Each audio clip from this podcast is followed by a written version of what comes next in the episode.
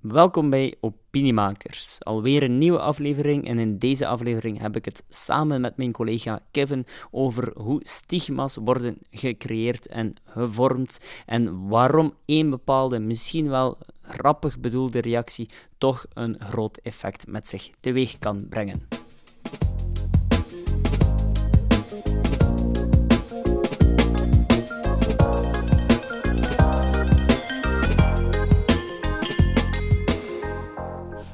Uit. Ik was onlangs uh, ja, op Facebook aan aan het, kijken en ik zag een artikel passeren over uh, de apenpokken. En ja, ik, was, ik keek zo eens door de comments en ik was echt gechoqueerd door wat ik daar zag eigenlijk. Enorm veel homo-haat en, en lachende gezichtjes. En ik kreeg daar echt een heel vies gevoel van. En dat, dat, ja, ik had precies het gevoel dat er terug een heel, heel stigma aan, aan gecreëerd wordt rond de Wallaby-gemeenschap. Ja, het is net alsof we automatisch een drang hebben om eigenlijk ja, zondebokken te zoeken als er zo een, een, een ramp gebeurt of als er iets van ja, negativiteit in het nieuws komt of, of een probleem of een ziekte of zo. Net zoals bij corona, toen was dat ook. Ja, dan werd de Aziatische community gestigmatiseerd. En nu zijn het, ja, is de LGBTQ-community.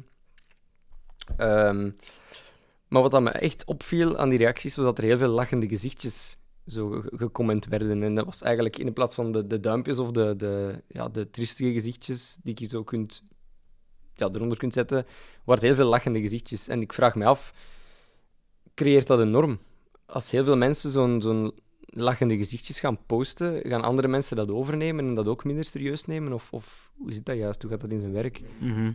Wel, um, dat is een heel interessant onderwerp, omdat ik denk dat we dat waarschijnlijk wel onderschatten wat de impact is van dergelijke reacties. En uh, we mogen dat zeker niet onderschatten, omdat je inderdaad een bepaalde norm creëert en bepaalde reacties ook voor anderen makkelijker doet lijken om ook te posten. Want uh, inderdaad, sociale norm, sociaal bewijs, als je anderen iets hebt zien doen, ga je het ook sneller doen. En als je natuurlijk heel veel andere reacties ziet uh, die zeer stigmatiserend zijn, dan gaan mensen die dat eventueel ook zouden doen, maar niet durven online zetten, sneller geneigd zijn om wel ook te doen, omdat ze het heel veel anderen zien doen. Plus, je ziet ook um, niet echt mensen voor gestraft worden. In die zin, in tegendeel zelfs, je ziet heel vaak dat ze ervoor beloond worden. Want we weten als we, als we kijken naar social media verslaving bijvoorbeeld, dat een groot element uh, of een groot deel te maken heeft met het dopamine gegeven. Dopamine is het gelukshormoon.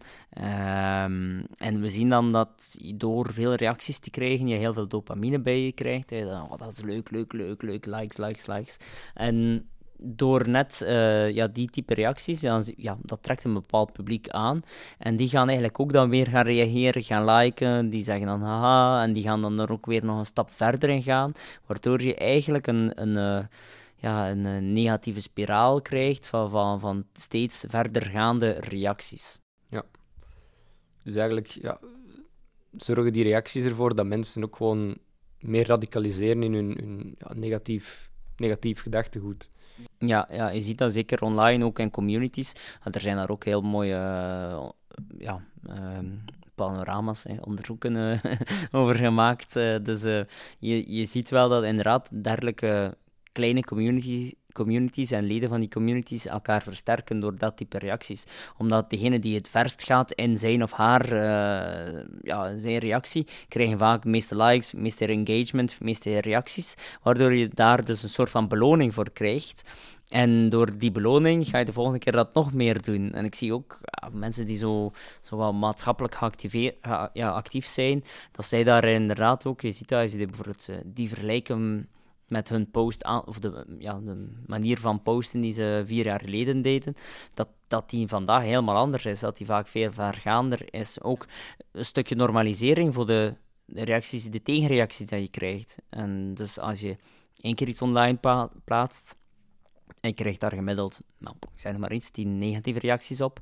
En de volgende keer weer 10 reacties, de volgende weer 10 reacties. Dan is het 10 reacties voor jou standaard. Dus dan, dan heb je ook weer al minder schroom om iets online te zetten en anderen, om, of van andere negatieve reacties te krijgen. Want de positieve reacties, de dopamine, wegen meer, weegt meer op. Ja, oké. Ja, oké. Dus, maar allee, ik, ik, zie, ik zie ook dat, uh, dat die dingen zo, die reacties, dat die ook uh, verschijnen bij zo artikels over klimaatverandering en zo. Um, ja, nemen mensen die dreiging dan nog serieus op den duur? Als ze constant zo'n reacties zien? Of gaan ze het echt gewoon automatisch in belachelijke trekken, omdat ze zien van, ah ja, dat is de norm? Ja, er is um, nu niet specifiek over klimaatverandering, maar bijvoorbeeld inderdaad ook apenpok en andere, andere cases, is dat als je heel veel mensen ziet uh, dergelijke type reacties geven en daar uh, telkens op terugkeren en dat wordt ook herhaald. En dat is dan ook een stukje ja, het herhalingseffect, doordat je iets heel veel herhaalt en heel veel herhaald uh, gezien worden, dat, dat je ook het gewoon meer als normaal gaat accepteren. En dat is natuurlijk het gevaar bij apenpokken, uh, ja, het hele apenpokkenverhaal, maar ook bij de klimaatverandering. En doordat je heel veel van dat type reacties te zien krijgt, ga je dus dat normaliseren, omdat het gewoon ook normaal lijkt, terwijl dat helemaal niet normaal is. Hè. Dus, dus eh, wat ik vaak ook in onze workshop zeg, eh, er is nu eenmaal een hele grote groep mensen die van zichzelf denken dat ze hyperintelligent zijn en dan denken dat hun mening gebaseerd is op heel veel wetenschappelijk onderzoek. En dat is dan vooral onderzoek uh, dat bestaat uit twee regeltjes. Um, en dat ze dan ja, denken van oké, mijn, mijn view, hè, mijn, mijn beeld over de wereld is de realiteit en is de waarheid. En dat die groep eigenlijk niet uh, in staat is om, zich, uh, om eigenlijk te kunnen inschatten dat hun mening niet klopt. Dat heet ook wel het Dunning-Kruger-effect. Dus er is een soort van ja, uh, grafiek waarbij dat je in het begin bij het eerste informatie dat je verzamelt denkt van nu weet ik alles, maar dat eigenlijk door er meer over te informeren je eigenlijk begint te beseffen van eigenlijk wist ik een week geleden daar bijna nog niets over. En eigenlijk zie ik, doordat ik me daar nu bij school en, en verder inlees, zie ik hoeveel dat er eigenlijk nog te leren is over dat topic. En dan denk je van, oké, in het begin, ik heb één boekje gelezen of één artikel gelezen. Oh, ik ben nu uh, de, de nieuwe Mark van Rans, bij wijze van, ik ben nu uh, een groot viroloog. En dus um, dat, dat, dat, dat is in het begin omdat je denkt van nu weet ik alles, maar hoe meer je er dan mee bezig bent, hoe meer dat je eigenlijk beseft, eigenlijk weet ik nog niets. Mhm. Maar het zijn heel weinig mensen die meer, meer, aan een, meer, meer, meer en meer lezen. Dus dat is, dat is nu eenmaal niet zo. En natuurlijk, het is een U-vormde grafiek. En die zijn in het begin, denk ik, ik weet er heel veel over. Naarmate dat je er veel over leest, besef je, ja, ik weet er eigenlijk heel weinig over. En dan is je zelfvertrouwen heel laag. Maar dan, op het moment dat je echt blijft doorzetten en blijft overlezen en blijft overleren, dan neemt je zelfvertrouwen weer toe en besef je van, eigenlijk weet ik er nu wel weer heel veel over. En natuurlijk, op sociale media versterkt het Dunning-Kruger-effect zich, omdat de meeste mensen die er niet veel over gelezen hebben, zijn dus niet in staat om te beseffen dat ze er eigenlijk heel weinig over weten, maar denken dus dat ze er heel veel over weten. Het wordt misschien wat ingewikkeld voor de luisteraars, maar ik hoop dat het duidelijk is.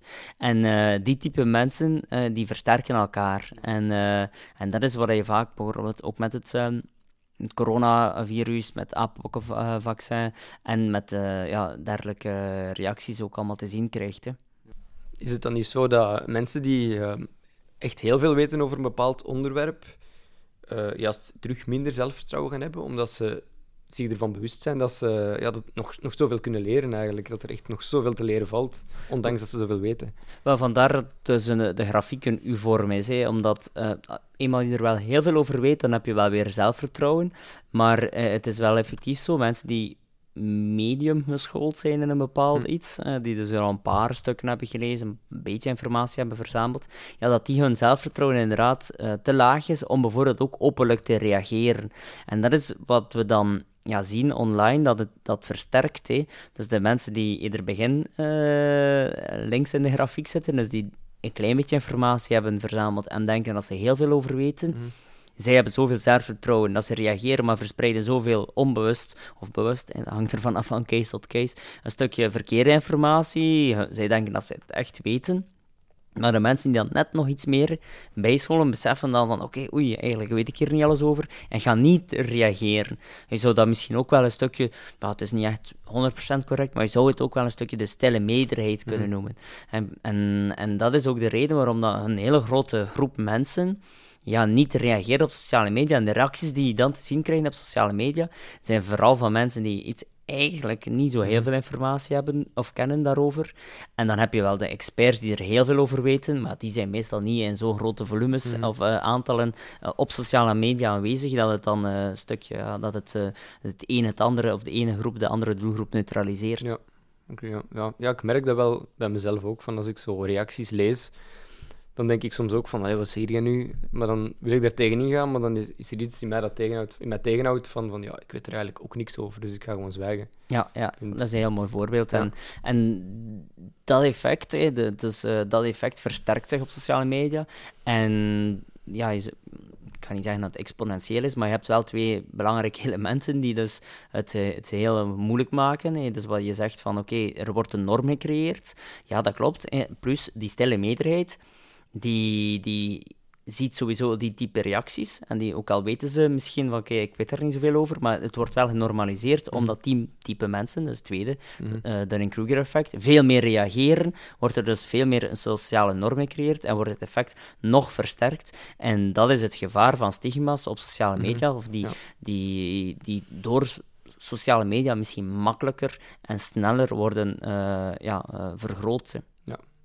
Om even terug te keren naar wat je daarnet in het begin zei. Dus eigenlijk, de, de, de algemene drijfveer van de mensen die zo'n reacties plaatsen, is dus een dopamine boost. Om het- als ik het goed begrijp. Ja, nee, ehm, de algemene motivatie bedoel je? Ja. Ja, ja, ik ga niet zeggen dat ze, als je aan hen vraagt waarom post je dat, Hmm. dat ze gaan zeggen voor, eh, ik heb een shotje dopamine nodig. ja, nee, Dat denk ik niet. Eh, maar, maar het heeft zeker een grote, ja, zal zeker daarmee, een groot deel daarmee te maken hebben. Ook een stuk, ja, het gaat, ik heb daar ook in mijn eerste boek een stuk over geschreven, over de nood aan, eh, aan jezelf positioneren. En dat Mhm. heel veel van de posts, ik dacht, ik had ooit eens een onderzoek gelezen, eh, dat 70 of 80 procent van de posts die je online plaatst, bij een hele grote groep mensen weliswaar, dat dat meestal voor jezelf is. Mhm. En dat dat een reden is dat je dat voor jezelf doet. Dat je dat niet per se doet voor een ander, maar dat je dat gewoon puur voor jezelf doet, om je, je te positioneren. En ja, dat gaat niet positioneren in de politiek alleen, maar ook om te tonen, kijk, hoeveel, hoeveel dat ik daarover weet, of hoeveel Ja. dat ik denk dat ik daarover weet. En eh, uiteindelijk, ja, al die type reacties, je doet dat niet, eh, ja, je- zeker die negatieve reacties, die stigmatiserende reacties, ja, je, hebt er, je doet dat sowieso niet voor de andere groep, hè, Mhm. want je beschadigt iemand, je kwetst iemand. Dus dat is puur en alleen voor je eigen vriendengroep, voor je eigen achterban, voor jezelf, voor, eh, voor inderdaad dat een stukje gelukshormoon. En om ook bij een bepaalde groep te horen, hè, Mhm. want als je bij een bepaalde groep hoort, die al dat type reacties plaatst, die al die soort humor tussen aanhalingstekens gebruikt, hè, Mhm. dan, dan, dan voel je je ook verbonden tot die groep. En dat is ja, een van de, de belangrijkste motivaties. hè. De, Ja. de, ik denk maar aan de piramide van Maslow, hè, Mhm. love en belonging.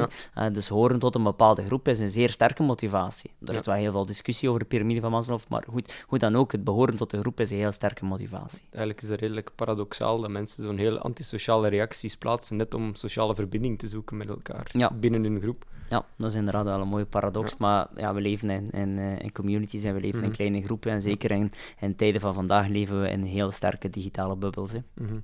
Dus ja, om deze podcast eh, een stukje af te ronden, Kevin, dan denk ik eh, dat we waarschijnlijk kunnen concluderen dat er is uiteraard niets mis met een grapje eh, op sociale media. Integendeel, het, eh, het kan een stukje lichtpunt in je, of tijdens je dag zijn, uiteraard. Maar wees je er wel van bewust dat de stigmatiserende grapjes ehm, één van jouw stigmatiserend grapje eh, niet zoveel effect zal hebben, maar als heel veel mensen dat doen, en dan kan het wel een heel sterk e- effect hebben op, op onze maatschappij. Alright, Reinoud. Dan eh, trek ik me nu terug in mijn online sociale bubbel en dan zie ik u volgende week wel.